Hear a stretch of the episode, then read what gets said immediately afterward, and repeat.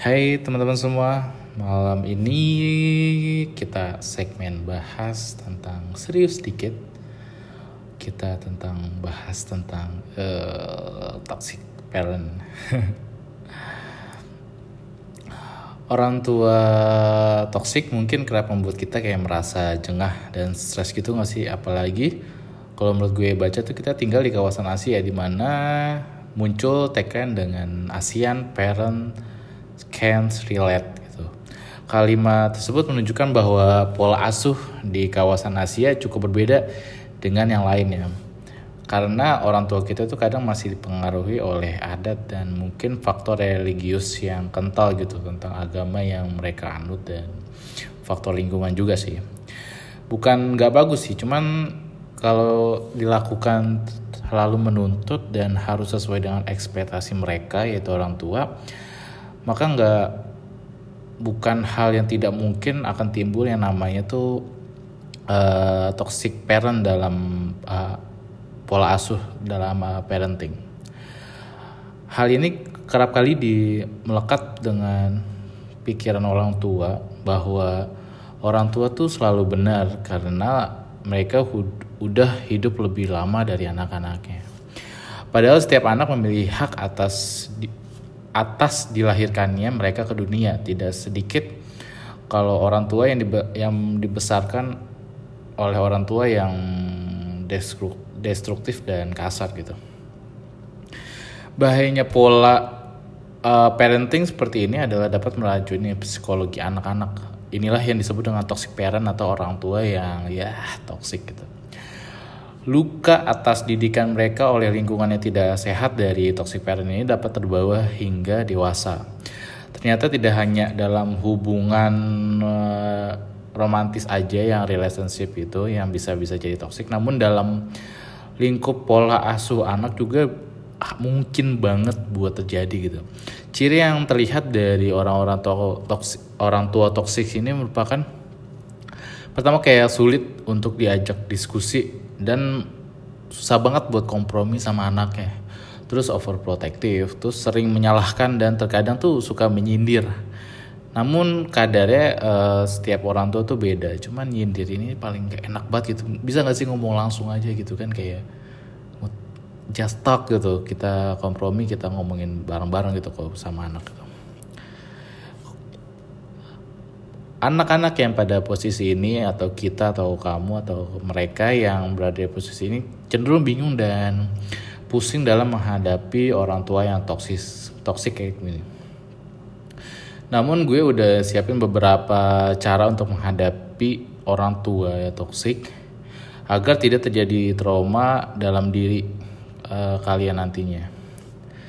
Karena secara nggak langsung pengalaman kita ketika dididik oleh orang tua toksik akan kita terapkan juga kepada anak kita nanti. Karena kayak karena kita berasa dididik seperti itu dan kita merasa itu nothing problem dengan kita secara nggak langsung nanti ketika kita punya anak kita malah menerapkan pola asuh yang sama yang sebaiknya sedari awal kita sudah tahu apa sih itu toxic parent dan seperti yang gue jelasin tadi tuh untuk kita tahu ini toxic parent dan kita tahu cara mengatasinya. Yang pertama itu menetapkan space untuk diri lu sendiri gitu. Setiap orang memiliki kebutuhan untuk menyendiri. Bisa juga disebut dengan me time. Jika kamu termasuk dalam kategori yang dibesarkan oleh orang tua toksik, kamu bisa mensiasatinya dengan membuat ruang bagi diri kamu sendiri tanpa ada orang yang boleh masuk, termasuk orang tua lu sendiri. Hal ini berkaitan dengan cara recharge energi seseorang untuk melepas energi negatif dan siap menghadapi hari selanjutnya. Apalagi jika kamu sedang dihadapi oleh situasi yang mengharuskan kamu untuk berkonsentrasi penuh. Jadi kamu harus benar-benar prefer energi kamu untuk stay positif dan benar-benar relax dan benar-benar meluangkan waktu untuk diri kamu sendiri. Kedua, mencari media peluapan emosi atau katartis, katarsis. Pada lingkup dengan orang tua toksis, tentu adanya saat kamu kewalahan banget dengan sikap mereka yang nggak pernah berubah Ambang batas toleransi setiap orang ini berbeda-beda. Jika kamu merasa sudah mulai mencapai puncaknya dan sering merasa tidak bisa juga untuk mentoleransi sikap mereka, kamu bisa mencari media untuk meluapkan emosi. Hal ini disebut dengan kataris. Uh, katarsis, sorry. Uh, katarsis adalah pelepasan emosi untuk melepas ketegangan yang dirasakan. Misalnya dengan melakukan hobi atau hal-hal yang kamu sukai, tentunya yang positif ya, ini perlu digarisbawahi. Kamu bisa memilih untuk melakukan hobi seperti berolahraga, membaca buku, melukis, menggambar, mendengarkan musik atau sekedar berjalan-jalan santai. Tiga, pahami keinginan kamu.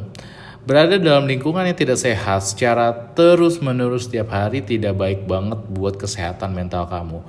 Untuk itu kamu bisa berupaya untuk mencari jalan keluar dari kondisi ini. Sebaiknya kamu benar-benar pahami betul keinginan kamu yang kamu inginkan ke depannya.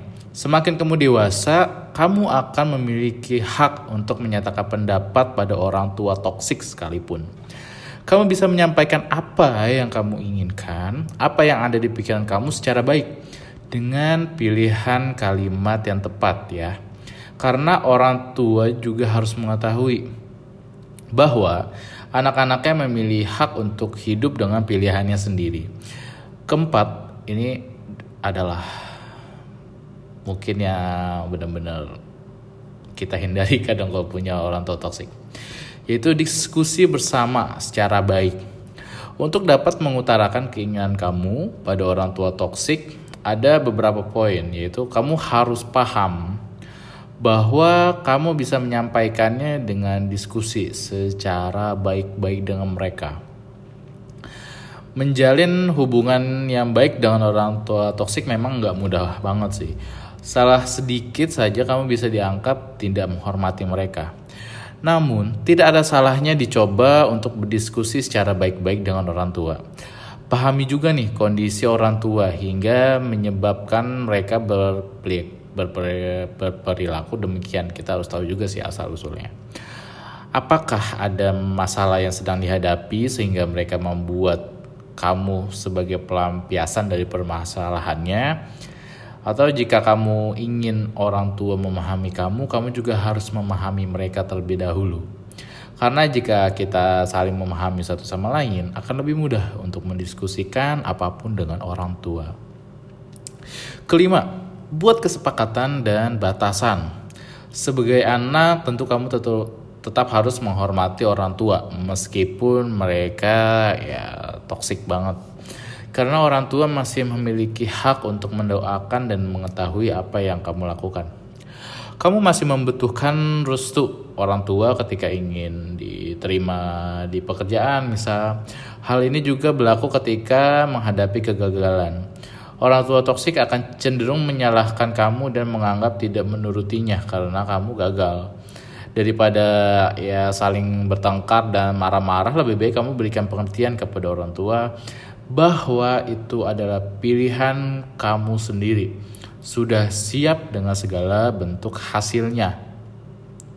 Jika kamu gagal, kamu sudah siap menerima dan berespon seperti apa atas kegagalan tersebut. Terlepas dari pilihan kamu, kamu masih membutuhkan masukan dari orang tua yang tepat gitu.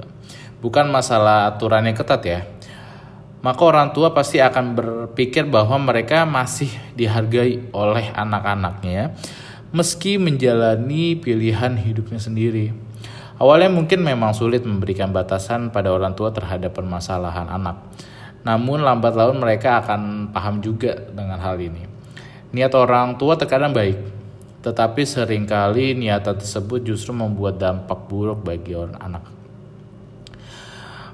Podcast kali ini um, menurut gue riskan banget buat disampaikan, cuman gue harus menyampaikan ini buat reminder kita sebagai anak, buat reminder pendengar yang mungkin lagi sedang jadi orang tua atau nanti kita juga buat bekal kita anak muda ketika kita sudah mempunyai anak atau akan menjadi anak. Benar-benar apa pun yang mungkin sekarang kita sedang memiliki orang tua yang toksik, kita harus benar-benar bijak untuk stop meneruskan sikap toksik kita yang mungkin akan riskan banget kalau kita lakukan ini kepada anak. Kita cukup tahu kalau nggak enak banget mempunyai orang tua yang toksik dan kita harusnya sudah tahu untuk stop agar kita tidak melestarikan uh, parenting seperti ini. Kita tahu dampaknya bagaimana, nggak enaknya bagaimana. Be good pelan-pelan kita bisa belajar jadi anak lebih baik menjadi anak yang ya bisa menghargai orang tuanya juga dengan caranya masing-masing selama itu positif ya. Walaupun orang tua kita toksik susah untuk diajak kompromi susah untuk diajak bicara mungkin kita bisa menghargai pelan-pelan bagaimanapun caranya bagaimanapun juga mereka orang tua kita mereka memang begitu dan ya udah waktunya kita untuk stop dengan parenting seperti itu dan kita harus bisa menjadi orang tua yang lebih baik ke depannya. Sekian dari gue Ilham Sabuta Fauzi di podcast ini. See you next podcast.